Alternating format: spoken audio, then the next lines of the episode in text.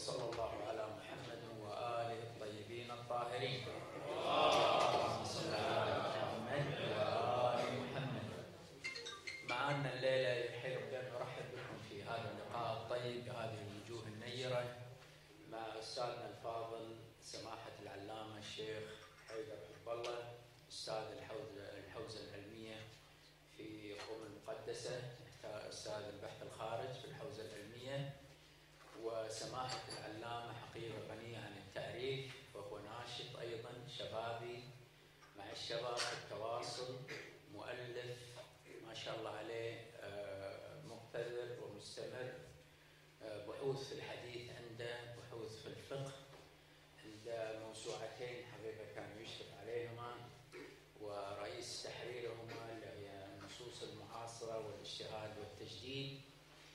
والجميل في هذه الموسوعة حقيقة لمن لا يحب أن يتعمق كثيرا في قراءة كتاب فهي نازلة على هيئة بحوث كما يسمونها الغرب بريوديكال هذه هذه البحوث لمن أراد أن يرى بحثا في موضوع معين فقه استدلالي بقضية تاريخية معينة بأمر فالبحوث عادة لا تتجاوز 30 صفحة معمقة آه، أصيلة كما يعبر عنها السنتية يعني النمط التقليدي في الاستنباط وفي البحث. وهذا ما يميز حقيقة سماحة العلامة الشيخ حيدر حب الله في أبحاثه مما حقق مما حقق حقيقة جمهورا كبيرا. أنا شخصيا لم أتوقعه من الشباب في متابعته وفي الاستئناس بآرائه وبعمقه ليجيب أي سؤال مهما كان مستوى هذا السؤال.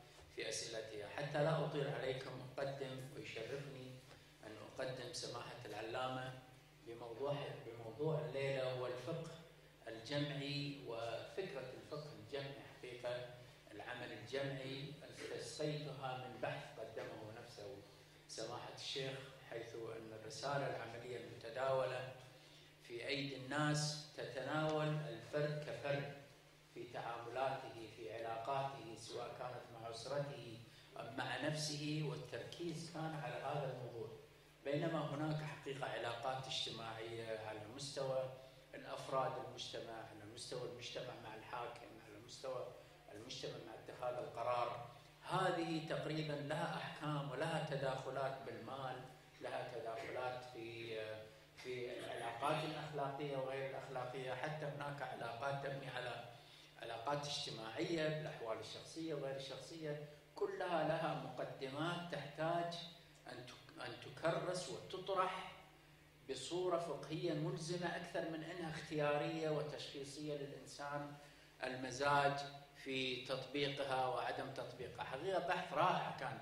آه، أذكر قرأته واستأنست به كثيرا وآمن أن كل سماحة الشيخ في آه، في الآن يركز على هذه النقاط. طالما إحنا في تجمع الميثاق وهو تجمع اجتماعي آه، سياسي في هذا الموضوع لكن البحث إن شاء الله يكون في خارج إطار الموضوع يشرفنا أن نقدم سماحة العلامه الشيخ حيدر حر الله بالصلاة على محمد وآل محمد. اللهم صل على محمد وال محمد. أعوذ بالله من الشيطان الرجيم بسم الله الرحمن الرحيم الحمد لله رب العالمين والصلاة والسلام على سيدنا محمد وعلى آله الطيبين الطاهرين الأكرمين اللهم صل على محمد وآل محمد مصطلح الفقه العمل الجمعي آه، يمكن أن يعطي مدلولين المدلول الأول فقه النشاطات القائمة على الجماعة والمدلول الثاني الفقه الذي يتكلم عن المجتمع في المدلول الأول الذي أشار إليه آه، قبل قليل الأستاذ الدكتور نحن نبحث عن الأعمال الجماعية وننظر في هويتها وننظر في قوانينها وأحكامها في مشاكلها وفي علاجاتها الجمعيات الأندية الثقافية الاجتماعية ثم ننظر في ما هي النتائج التي تترتب عليها وما هي الأحكام الفقهية أو الشرعية أو الأخلاقية التي تتصل بها ثم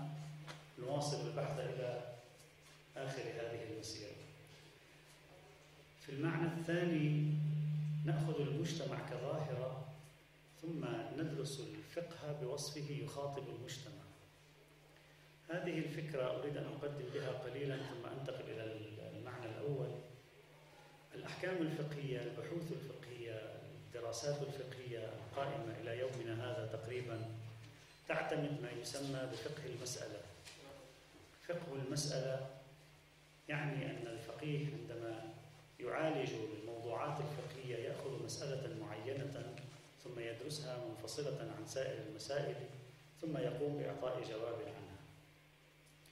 وفقه المسألة في العادة يتصل بمعالجة قضية ترتبط بالأفراد كوجوب الصلاة هنا كحرمة هذه العلاقة هنا كاستحباب تلك العلاقة هنا إلى آخره. دائما المخاطب في ذهن الفقيه هو الأفراد. وبالتالي فهو يقوم بدراسة المسائل الفقهية على أساس أنه يخاطب الأفراد ويستنتج لهم علاجات أو مواقف فقهية. في القرن العشرين ظهر توجه مختلف بين السنة والشيعة عندما رأوا أن الإسلام لا يخاطب الأفراد بما هم أفراد بل هو أيضا يخاطب المجتمع بما هو مجتمع. ودعوني أصطلح بتعبير الإنسان الصغير والإنسان الكبير. الفرد هو الإنسان الصغير والمجتمع هو إنسان ولكنه إنسان كبير. هل النصوص القرآنية والحديثية تخاطب الإنسان الصغير فقط وكأن كل واحد يخاطب لوحده؟ أو أن النصوص القرآنية والحديثية تخاطب الإنسان الكبير أيضا أي تخاطب المجتمع بما هو مجتمع؟ هنا يحضرني المساهمة الرائعة التي قدمها الشيخ محمد مهدي شمس الدين رحمة الله تعالى عليه. الشيخ شمس الدين قال بأن الخطابات القرآنية والحديثية تنقسم إلى نوعين إلى خطاب فردي يخاطب الله تبارك وتعالى فيه الأفراد يا أيها الذين آمنوا مثلا إذا قمتم إلى الصلاة فاغسلوا وجوهكم وأيديكم. وإلى خطاب مجتمعي والمراد بالخطاب المجتمعي أن الخطاب يوجه إلى الجماعة مثل وجوب الجهاد. فإن وجوب الجهاد لا يوجه إلى كل فرد لوحده وإنما يوجه إلى الأمة برمتها كي تقوم بممارسة الجهاد. هذه الفكرة نقلت الفقه الإسلامي من مرحلة التنظير الفقهي لعلاج قضايا الأفراد إلى مرحلة التنظير الفقهي لعلاج قضايا الجماعات والمجتمعات. ولكن هذه النقلة لم تكتمل إلى يومنا هذا. ما زال الفقه في أغلب جوانبه يعالج القضايا المتصلة بالشأن الفردي وقليلا ما يعالج القضايا المتصلة بالشأن الجمعي بالشأن الاجتماعي العام أو يعتبر المستهدف بخطابه هو المجتمع بما هو مجتمع. هذا فيما يتعلق بهذه المقدمة آه، المتصلة بموضوع الفقه الفردي والفقه المجتمعي.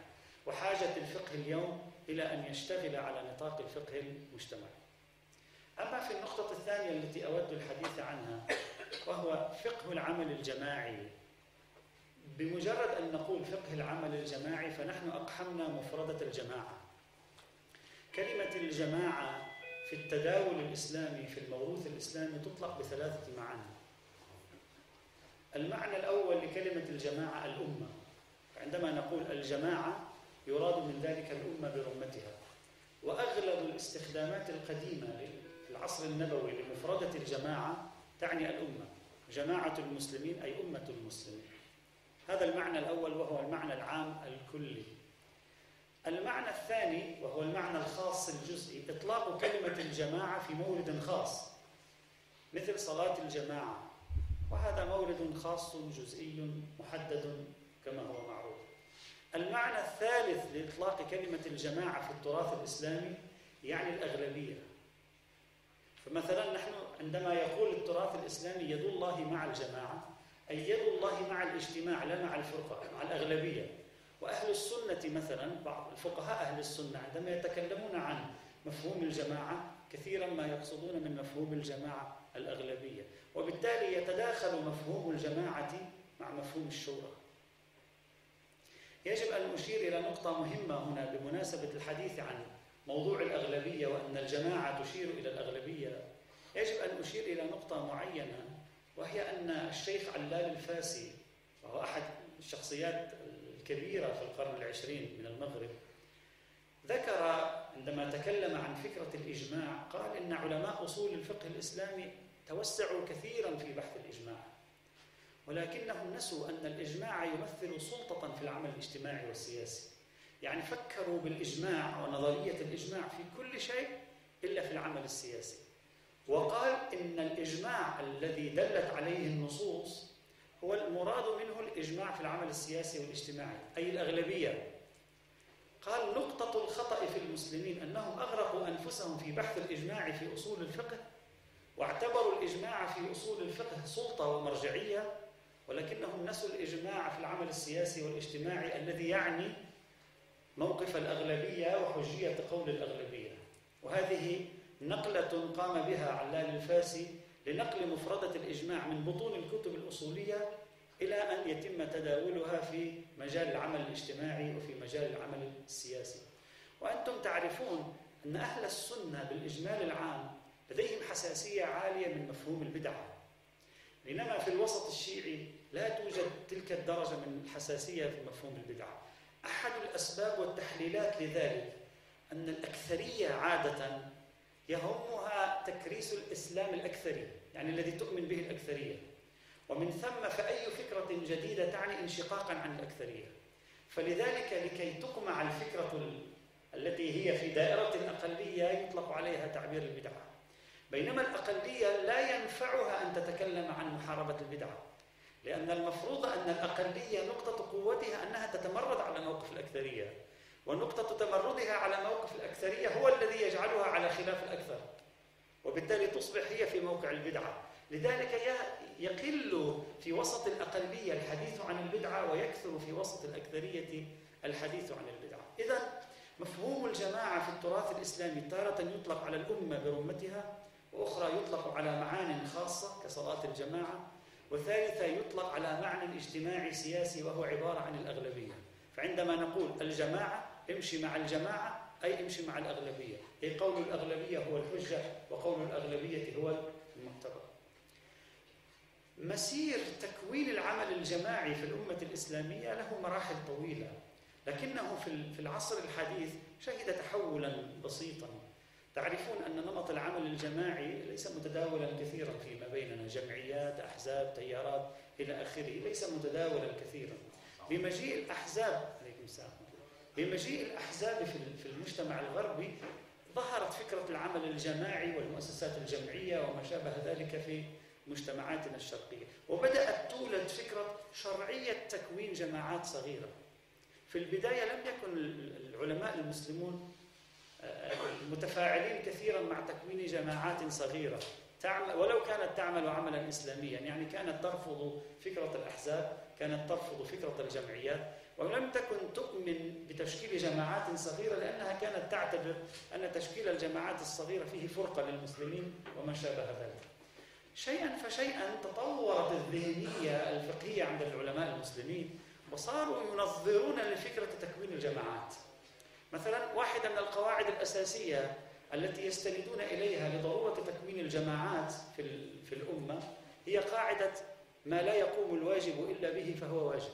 إذ قالوا إننا من دون أن نكون جماعات في الأمة على شكل أحزاب سياسية أو منظمات مدنية لا يمكننا أن نحقق الواجبات الاجتماعية المطلوبة.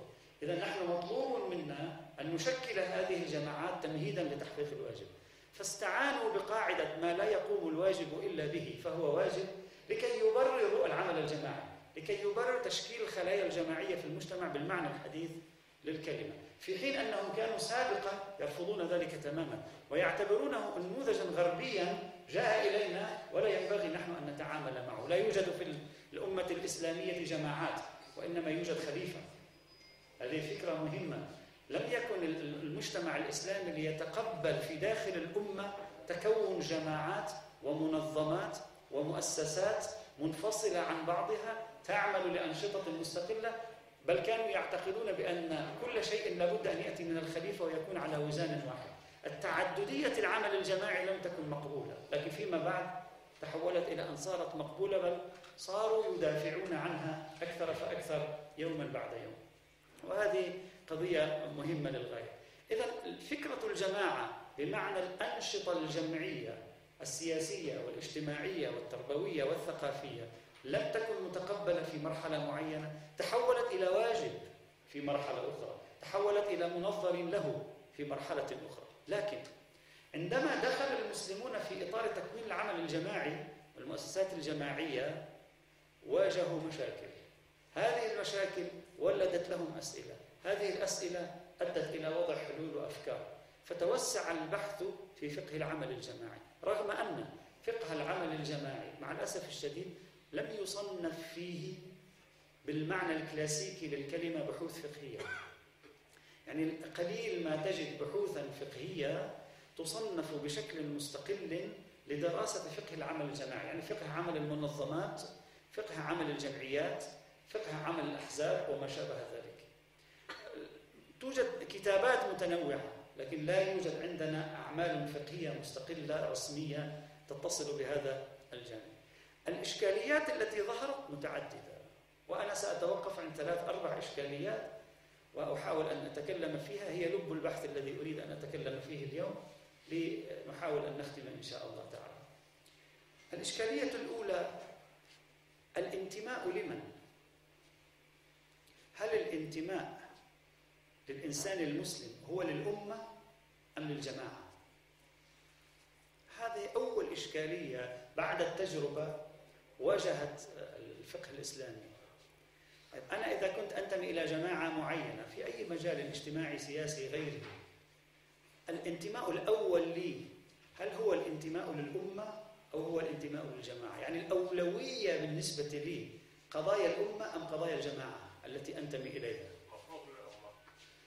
وقع الجدل والنقاش هنا.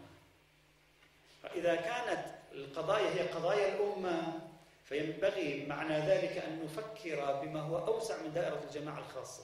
فربما تكون مصالح الأمة في بعض الأحيان تلحق ضررا بمصالح الجماعة الخاصة. ميدانيا كان العمل على أن مصالح الجماعة هي المقدمة.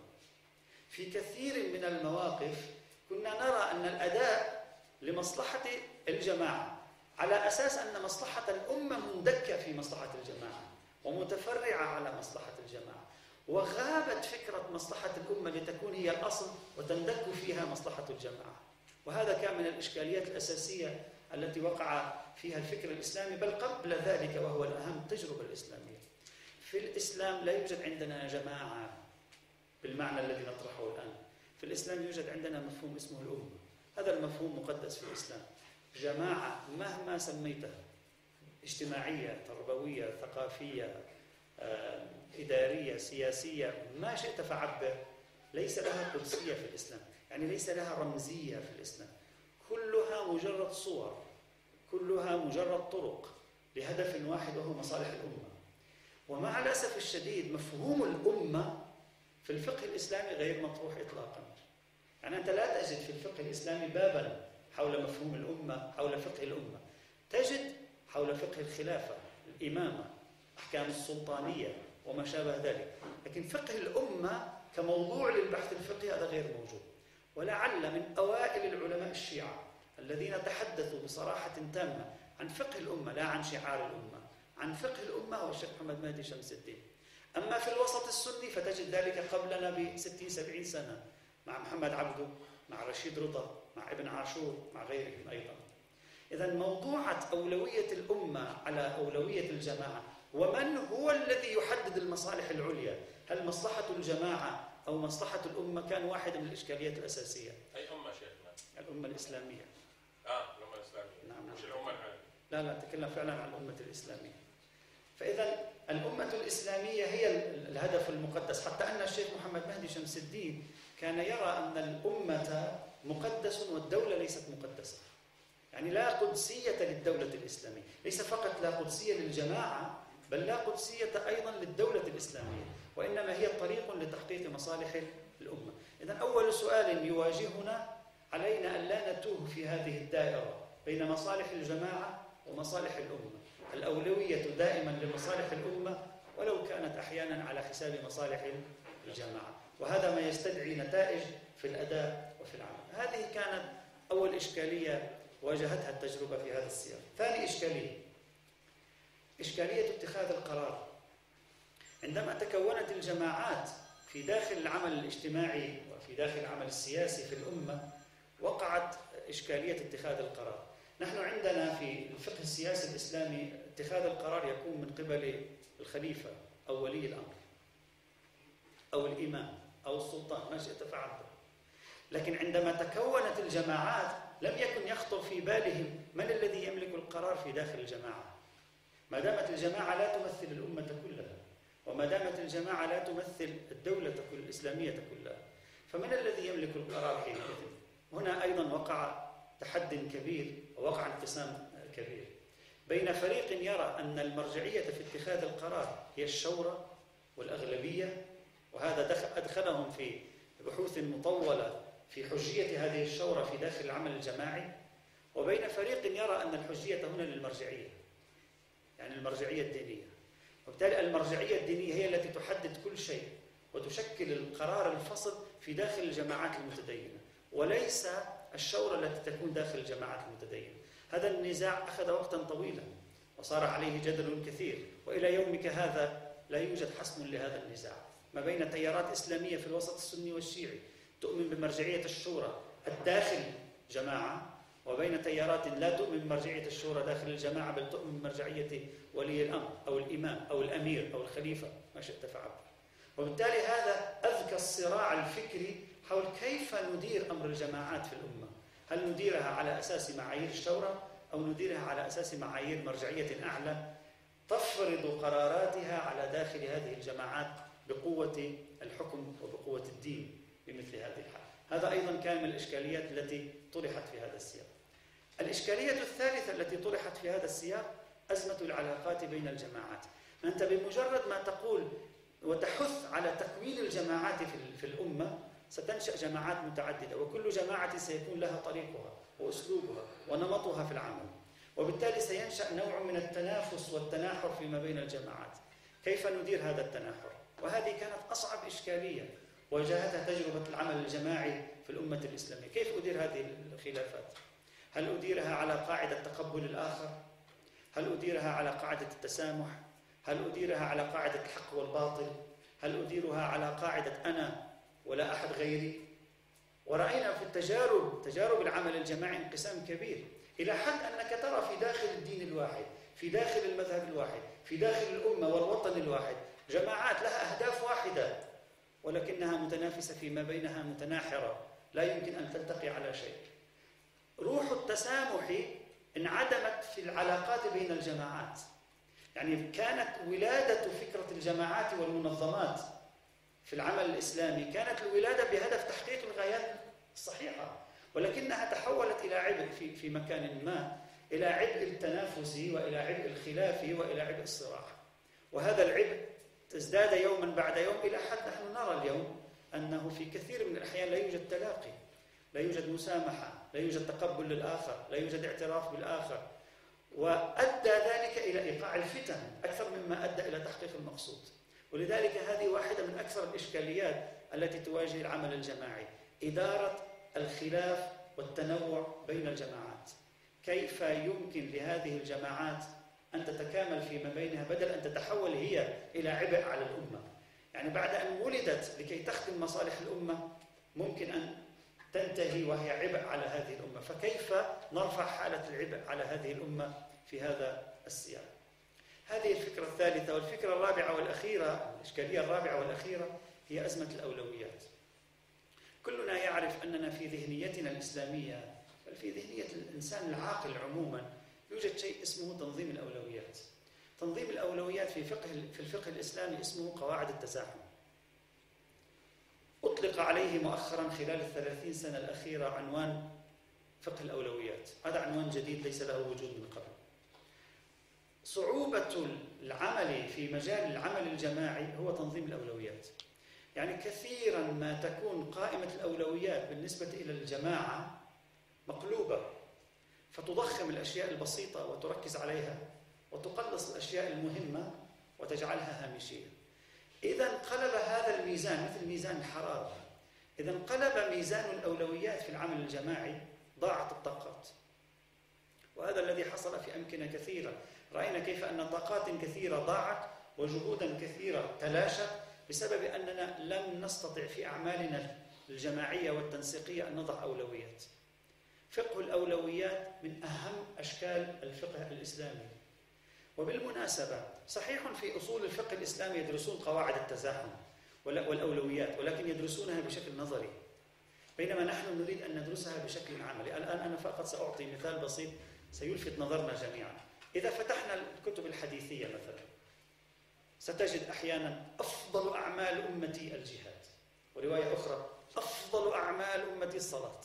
رواية ثالثة أفضل أعمال أمتي الصدقة في سبيل الله. أيها الأفضل. كيف أعرف أنا أن الصلاة أهم من الصوم؟ أنا إذا سألتك سؤال كيف تعرف الصلاة أهم ولا الصوم؟ حتى أنا في عملي في عمل الجماعي في في في عمل الاجتماعي والسياسي والتربوي أنظم الأولويات. أقول هذا بالنسبة لي أولى من هذا. ممكن أن أضحي بهذا في سبيل هذا. كيف تعرف؟ نحن في عندنا قائمة بالأولويات مرسومة في أذهاننا.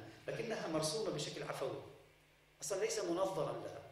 كيف أعرف مثلا أن الجهاد أولى من حقن دماء المسلمين في مكان معين؟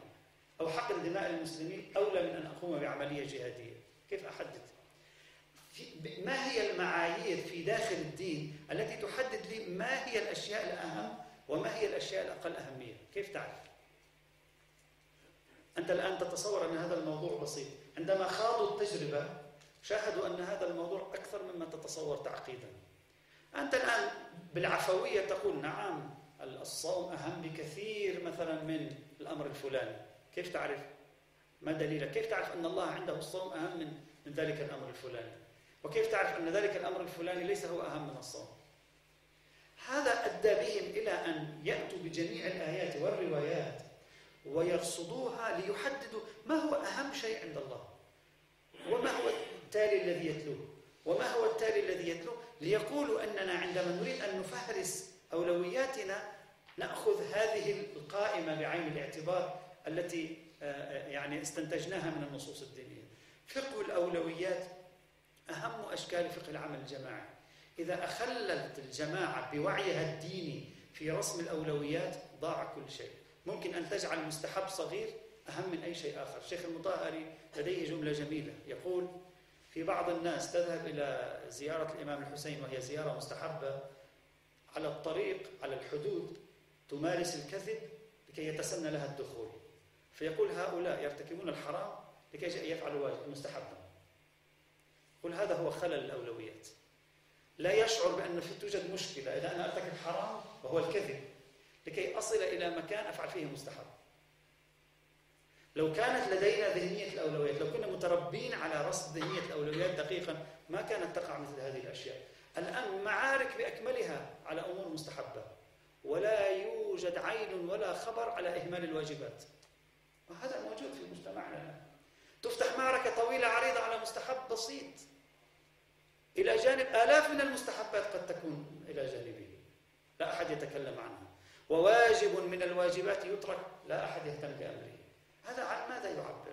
هذا يعبر في الحقيقة عن اختلال فقه الأولويات عند ميزان الأولويات لم يعد صحيحا في أذهاننا. إذا كانت أعمالنا قائمة على ميزان أولويات خاطئ نعم نقع في مثل هذه المشاكل. نغرق الساحة بتفاصيل جزئية لا قيمة لها. على حساب إهمال أساسيات كبرى لها أكبر القيمة. هذه هي مشكلتنا. المشكلة التنظير لفقه الأولويات على مستوى النصوص على مستوى العقل على مستوى التجربة وعلى مستوى منطق الأشياء. إذا لم تقم لم يقم العمل الجماعي على هذه القواعد لا يمكنه أن ينهض بنا إلى بل سيتحول العمل الجماعي مهما كان اسمه إلى عبء علينا. يعني سيصبح لو كان لا يوجد لكان أفضل من أن يكون موجودا. لماذا؟ لأنه يثقل كاهلنا بإشغالنا بأمور غير مهمة في حين نحن بحاجة إلى الاشتغال بأمور أكثر أهمية. هذه هي الأفكار الأساسية التي واجهها واجهتها التجربة عندما خاضت فكرة العمل الجماعي. أزمة الأولويات أزمة الانتماء أولوية الانتماء للجماعة على الانتماء للأمة. أزمات من هذا القبيل أدت إلى خلق مشاكل وبالتالي أدت إلى خلق تفكير. علينا جميعا أن نتأمل فيه وندركه قبل أن نقدم على أي عمل في هذا السياق. أكتفي فقط لأنه مقدمة صغيرة لنفتح مجال الحوار. والحمد لله رب العالمين. خير على هذا البحث الطيب. أنا بس علشان تنشطون أذهانكم عندي سؤال وأحاول أكون قصير في هذا مع ان ما تحتاجون على هذا. تراثنا شيخنا الجليل تراثنا يملك من من المواد ما يسعف في الإجابة على هذه الإشكالات في مستوى الرسالة العملية يعني بتفاصيلها يعني؟ إذا تقصدون من التراث يعني الرسالة العملية لا أقصد أنا تراثنا الفقهي والتاريخي. والقواعدي يعني مثلا الآن عندنا تجمع حزب اسسه فقيه. يكفي هذا يعني في في في ضمان استمرارية الأعمال استمرارية الأحزاب. في هذا يعني إذا واحد يبي يشرعن ويضع قواعد للإشكالات الأربعة التي طرحتها في العمل الجماعي هل هناك من المواد ما تسعف في وصول إلى إلى تحقيق تفاصيل ذلك؟ في بعض في بعض هذه العناوين لا لا توجد مواد لأنها عناوين جديدة. مثلا مفهوم الانتماء. إحنا ما عندنا تنظير فقهي في مفهوم الانتماء مفهوم الأمة قيمة الأمة في العمل الإسلامي. ما عندنا تنظير. لأكون صريحا. التنظير ما زال في ما زال في بدايته يحتاج إلى تعميق أكثر وتوسع أكثر. ما عندنا تنظير. حتى ما عندنا تأصيل فقهي أو أصولي لهذه الموضوعات. نعم توجد كتابات متنوعة تشكل بذورا أولية نعم. جزء من هذه الموضوعات ثمة إشارات إليها في تراثنا جزء منها يحتاج إلى إبداع يحتاج إلى إلى تأمل. وهذا الإبداع ليس فقهيا فقط بل هو مشترك بين العمل الفقهي وبين العمل التجريبي. يعني هذه التجربة والفقه يتعاونان هنا لإنتاج حلول وليس فقط الفقه والنص في هذا الإطار عندي أنا عندي تفضل تفضل يديك الدور. شكرا جزيلا محاولة طيبة وجليلة وسيرة من كثير. العمل الإسلامي عند سؤال من حديث الأنبياء التي جاءت بالتفصيل الدقيق في القرآن الكريم أم أنه أسطرها وخملها وضيعها؟ شكرا. والله في الحقيقة نأخذ تجربة تجربة العمل الإسلامي منظري تجربة العمل الإسلامي في القرن العشرين اهتموا بموضوع تجربة الأنبياء. يعني أنا سأعطيك مثالين بسيطين فقط. حسين محمد حسين فضل الله رحمة الله تعالى عليه وسيد قطب. آه، ركزا كثيرا على قراءة تجربة الأنبياء. ولديهما إسهامات مفصلة وحاولا أن يستنطقا تجربة الأنبياء في علاقاتهم بأقوامهم في محاولة إيجاد خطوط عامة. لكن يجب أن نكون آه، دقيقين في شيء بسيط وهو تجارب الأنبياء لا يمكن استنساخها بعينها لأن كل تجربة لها سياق الزمني ولها سياق الظرفي. تجارب الأنبياء باخذ منها أنا القيم والعبر وباخذ منها الكليات والمعايير لكن ممكن بشكلها هذا لا تنطبق في مكان آخر. وبالتالي أنا أخذ القيم وأعبر بها نحو مكان آخر. ولذلك القرآن الكريم لما كان يستخدم يتكلم عن قضايا الأنبياء كان يقول لقد كان في قصصهم عبرة. وكلمة العبرة أتت من كلمة العبور. والعبور بمعنى المرور من شيء إلى شيء. فكأن قصص الأنبياء لم تذكر في القرآن لكي نجلس عليها. لأنك إذا جلست عليها كأنك جلست على الجسر. وبقيت جالسا على الجسر. في حين أن الجسر لا يراد له أن يجلس عليه بل يراد له أن يعبر. فأنت تأخذ التجربة النبوية لكي تأخذ منها القيم فتعبر منها نحو تجربتك. لا لأن تستنسخها بعينها أو تبقى فيها. وهذه هي القيم أنا أعتقد أنهم كتبوا ونظروا في هذا المجال ولكن ضغوطات التجربة كانت أكبر حتى مما تم إنجازه. ولذلك يحتاج الأمر إلى تنظير مضاعف وإلى مرحلة وجيل جديد من التنظير في مجال العمل الجماعي يختلف عن التنظير الأول الذي كتب في الخمسينيات والستينيات والسبعينيات إلى الآن شيخنا عزيز إلى الآن آه، في تفكيك مصطلح الانتماء إلى الآن إحنا محدودين في إطار الأمة الإسلامية وقاعدين لما ننتقل من فقه الفرد إلى فقه الأمة اللي هي معطلة بالإسلامية في الحين أن القوانين والدساتير والأنظمة العالمية الآن هي تعنى بالبشرية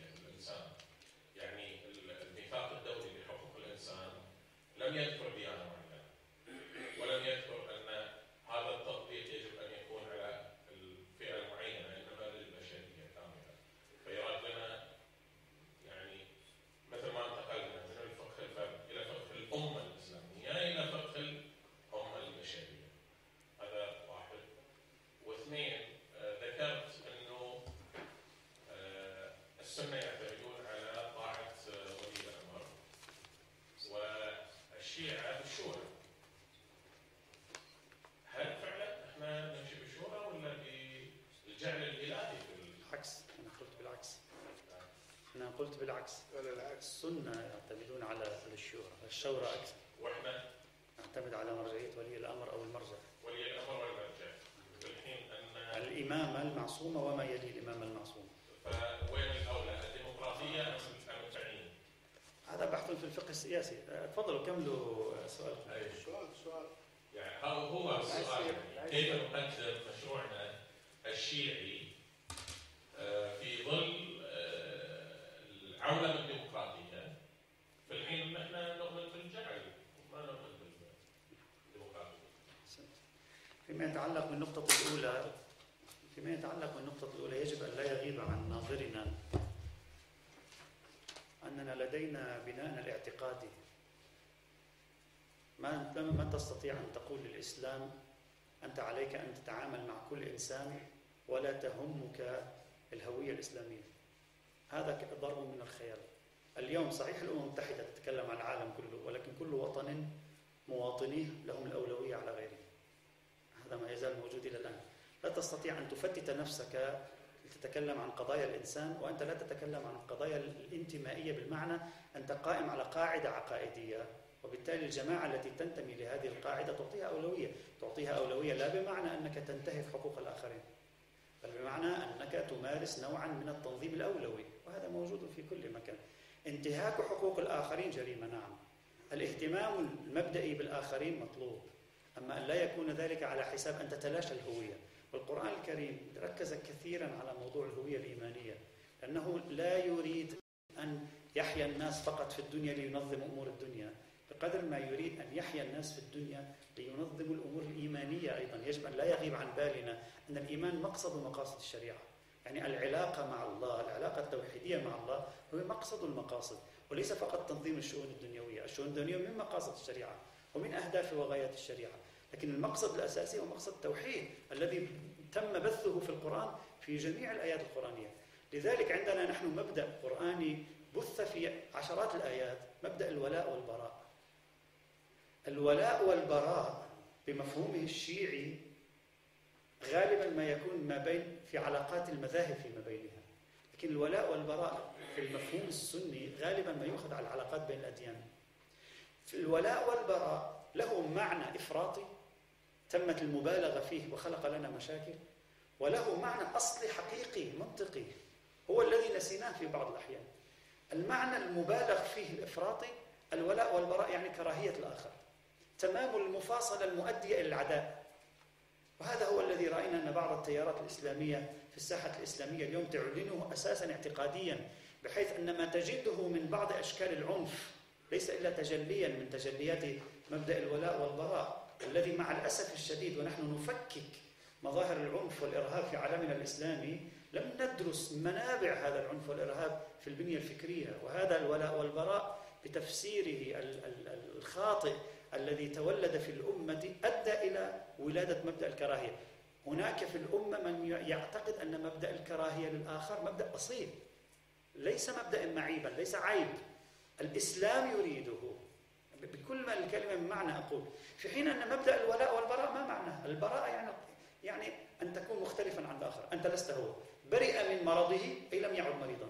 برئت من الكفر أي لم أعد كافر فمعنى الولاء والبراء أي أن تنتمي الأمة إلى ذاتها يتولى بعضهم بعضا يأخذون هويتهم وينفصلون عن غيرهم بمعنى يختلفون عن غيرهم يعني يتميزون في الهوية عن غيرهم هذا التميز في الهوية مطلوب لكم دينكم ولي دين لكن التميز في الهوية المؤدي إلى العنف تجاه الآخر مرفوض فإذا لا يمكن للإسلام القائم على قاعدة اعتقادية أس أساسها التوحيد أن يتجاهل أهمية التوحيد الذي يطالب ببناء الأمة الموحدة هذا في النقطة الأولى أما النقطة الثانية فهي مطلب طويل في الفقه السياسي الاعتماد على نظرية الشورى أو الاعتماد على نظرية ولي الأمر أو محاولة الدمج بين النظريتين بمعنى من المعاني. هناك من يميل إلى الرأي الأول ومن يميل الرأي الثاني.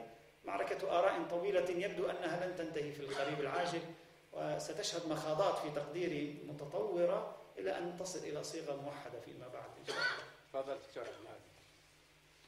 شيخنا الفاضل آه، يقال بأن الشريعة الإسلامية تركت منطقة ما يسمى منطقة الفراغ وبالتالي تركت مجال واسع لقضية الاجتهاد طبقا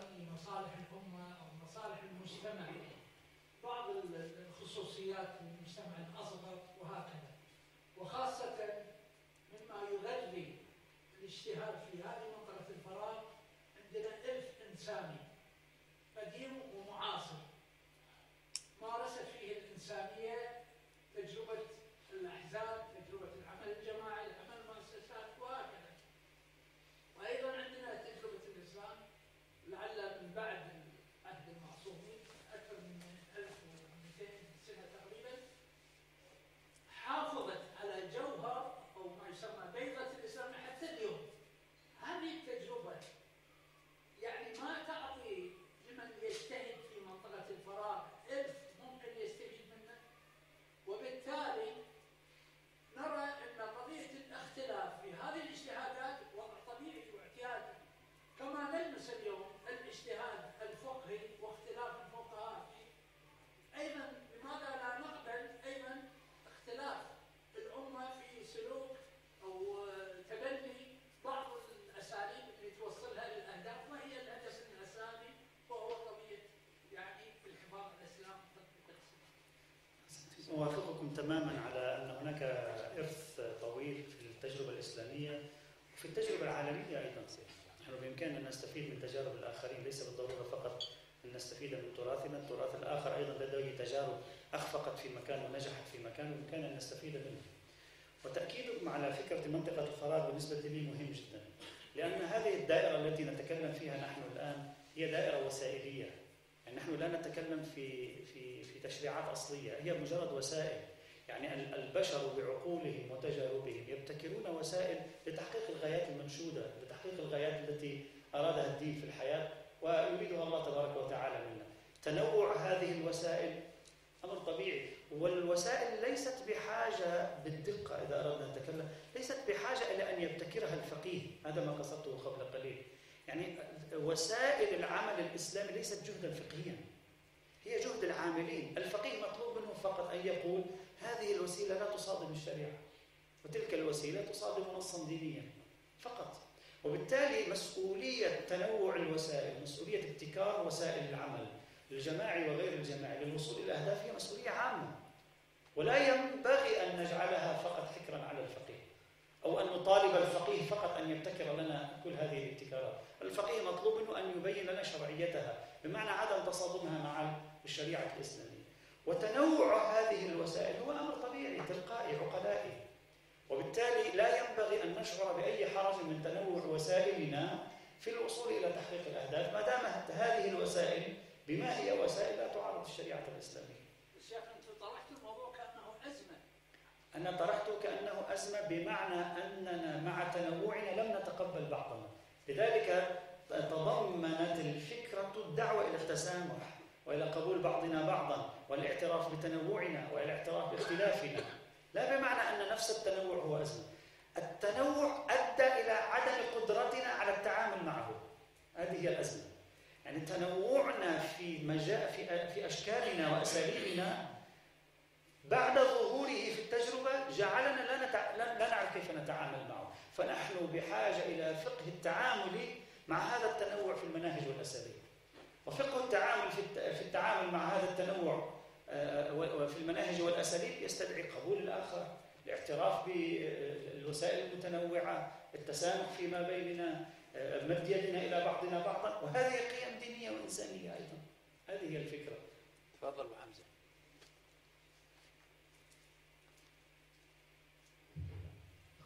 في خاطرة وسؤال. الخاطرة سواء تكلمت عن الأولويات. يعني يبغى لي كذا؟ كذا يبغى لي كذا. مرة واحد كتب مقالة كذلك مهتمين بالجماعات الإسلامية عن قضية الأولويات. فكان يكتب عن الأولويات أولويات الأهل تصور شنو تتوقع الأولوية الأولى؟ الكل محاربة الشرك ان الشرك شيء عظيم إن الأخ قاعد في قريش الجاهلية. الأولويات بالفعل تضيع كثير من الجهود تضيع كثير من الشخصيات ومثل ذلك مجلس أم الكويت. شوف 50 سنة ترى عايشين في فوضى. ماكو أولويات. جماعات يعني مختلفة. كل واحدة تشتغل يمكن حسب ما بقول حسب مصالحها. حسب الأولوية اللي هي تراها. السؤال دكتور يبقى الفقيه طرف في تنظيم الموضوع هذا. لكن مشكلتنا الفقيه اللي بينظم حق القضايا هذه يجب أن يكون فقيه متحرك بمعنى مو منعزل يعمل بالواقع مع المجتمع. إحنا يعني في مثل الجحفري إحنا لا نرى المرجع مهما الأقل المرجع مهما نظر حق القضية إذا الفقيه ما يتفاعل معاها ما راح تاخذ انتشار. مشكلتنا عندنا الفقهاء أكثرهم منعزلين خصوصا بعد ثورة 1920 والاستعمار إن اشترط اذا يرجعون الفقهاء إلى النجف أن لا يخوضون في العمل السياسي.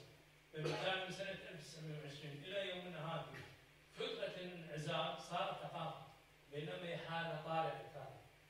آه، صحيح أن خلال هالفترة طلعوا فقهاء متحركين لكن تموت التجربة بموت صاحبها لأن ما من ينتشر لها.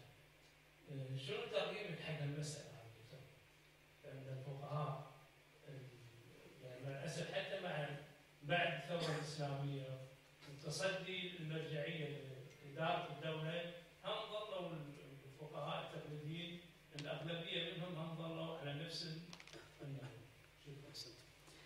في شخص قال في يوم من الأيام آه، اسمه كارل رانر هو مفكر لاهوتي ألماني معاصر كان له أكبر الأثر في المجمع الفاتيكاني الثاني الذي غير قراءة المسيحية للعالم سنة 1963 قال المسيح في آخر الزمان المخلص في آخر الزمان هو الذي سينشر العدل.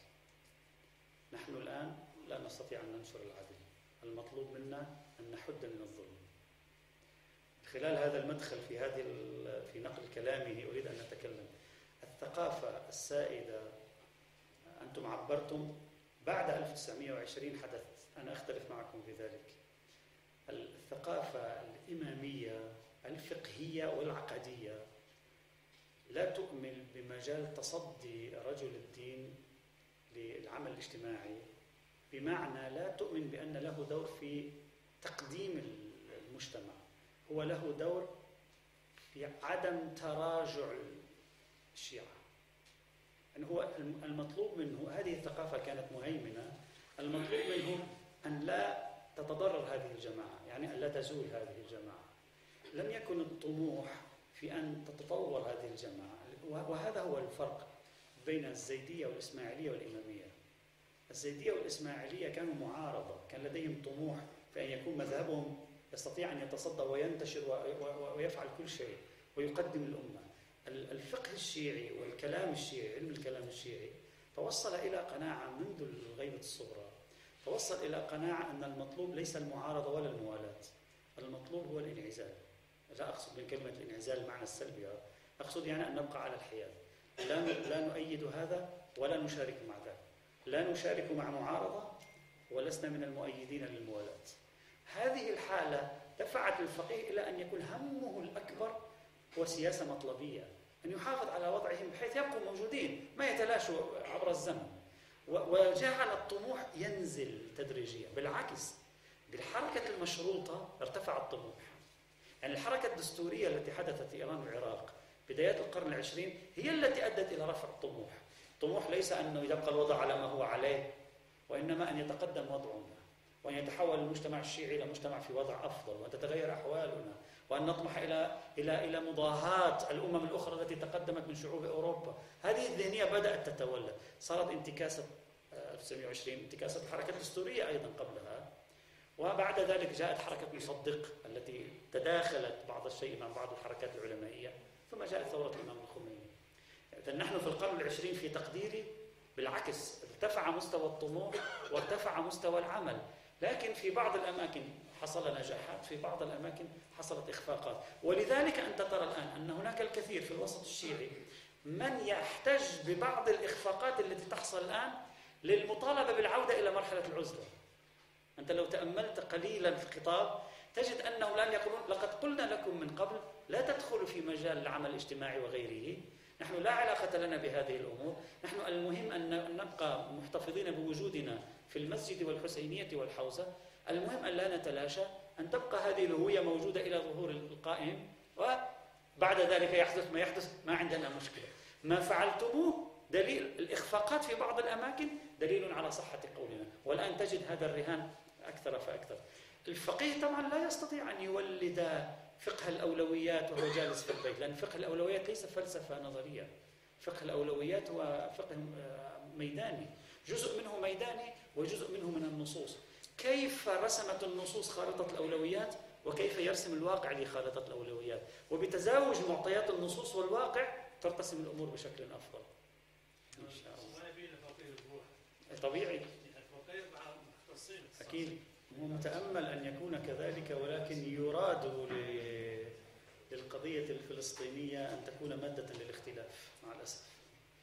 يعني المشروع اليوم هو أن تجعل القضية الفلسطينية في حد نفسها مادة اختلاف في الأمة ومادة تشق الأمة بدل أن تكون مادة توحد الأمة.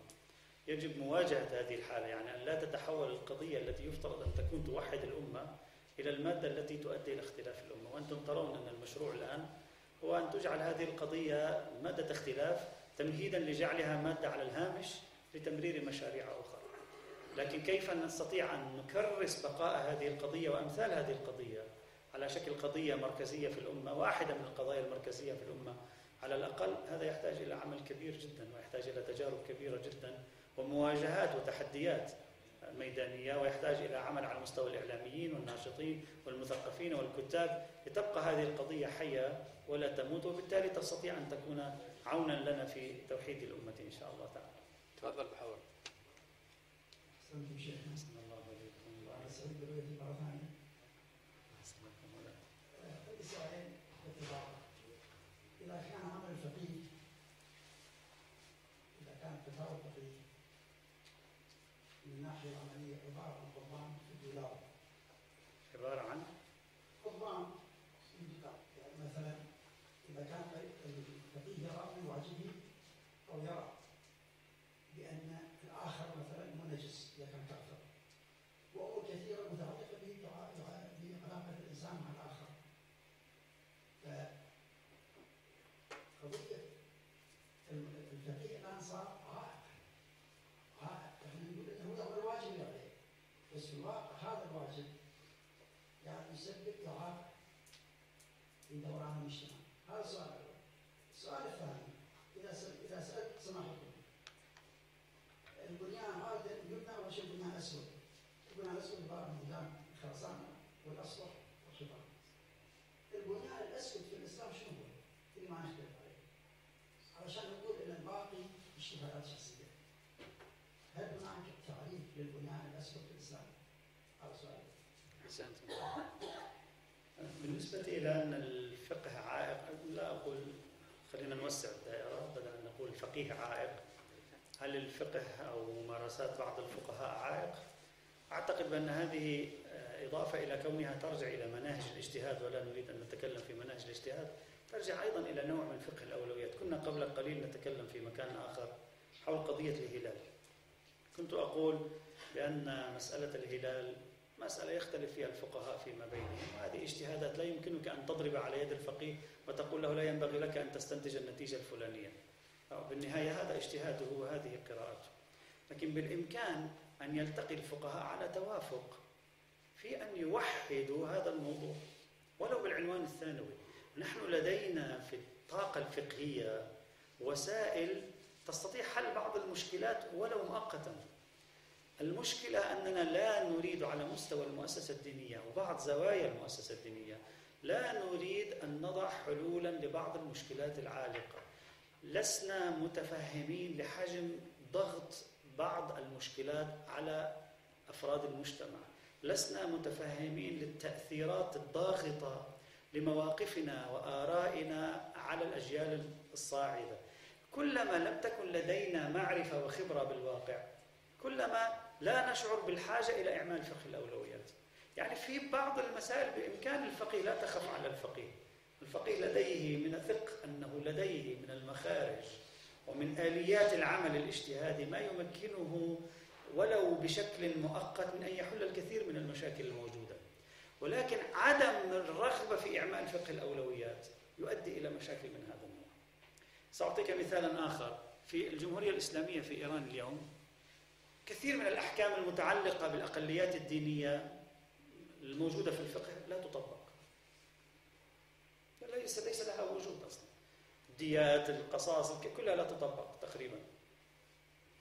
باستثناء بعض القضايا الطفيفة تطبق وأثير على بعضها جدل مؤخرا. ما السبب في أنها لا تطبق؟ طرحوا على على أساس منطق الأولويات طرحوا علاجا قائما على سلطة ولي الأمر وبالتالي طبقوه ومشوا فيه. القانون في الجمهورية الإسلامية القانون الذي يصادق عليه ولي الأمر استطاع أن يتجاوز العديد من المشاكل لكن الفقه بنفسه لم يتمكن من تجاوزه وهذه هي المفارقة.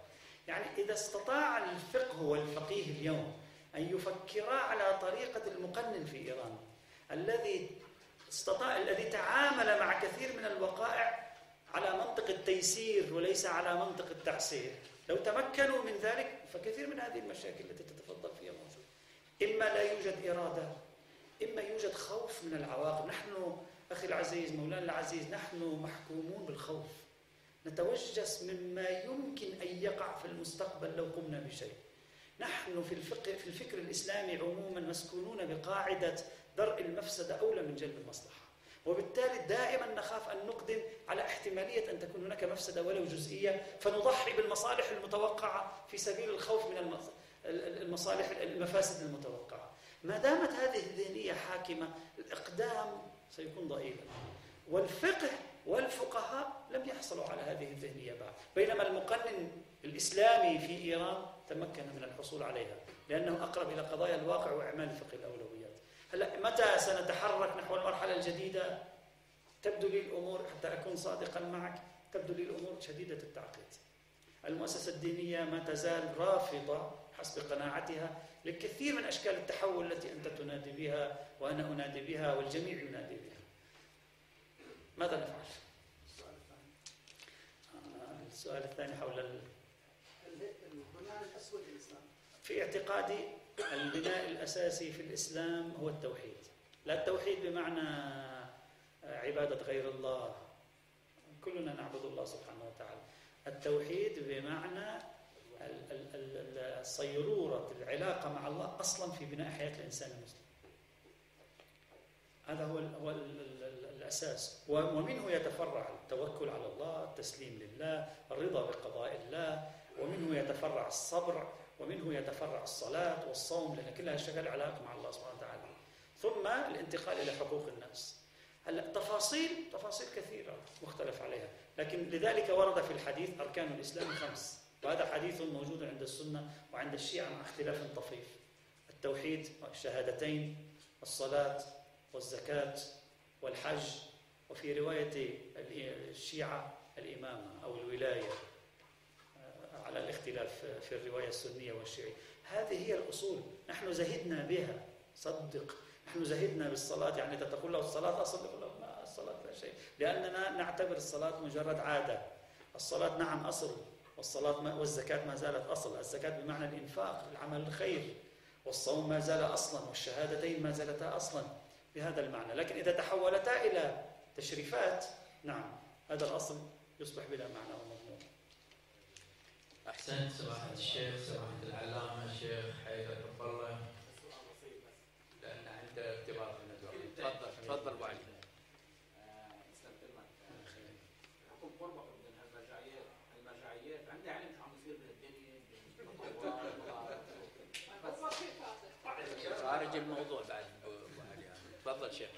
جواب جواب لا لا أستطيع أن أقول إلى أي مدى هناك معرفة، ليس المهم أن تكون هناك معرفة. يعني هذا مثل واحد قالوا له ألقيت الحجه عليك، هو قاعد بغابات الأمازون قالوا له ألقيت الحجه عليك، ليه؟ لأنك في مرة من المرات سمعت باسم محمد رسول الله صلى الله عليه وآله. المهم إلى أي حد ليس يعرف يعي. الوعي مرحلة فوق مجرد الحصول على معلومات. ممكن يجي لعنده ضيوف يخبروه. لكن متى يندمج في الحدث؟ متى يكون الفقيه مندمجا بحيث يشعر كما تشعر أنت اللي أنت في في بطن الحدث كما تشعر أنت بالتحدي. هذه مرحلة آه، ليست متوفرة لكثيرين لكن أعتقد بعض الفقهاء الكبار وبعض العلماء الكبار لديهم من الحضور والوعي في تقديري بشكل ممتاز آه، لكن لا يوجد ليست كل الخيوط بيد شخص واحد. شكرا. أحسنت سماحه الشيخ العلامه الشيخ حيدر حب الله على هذه المعلومات الطيبة الميثاق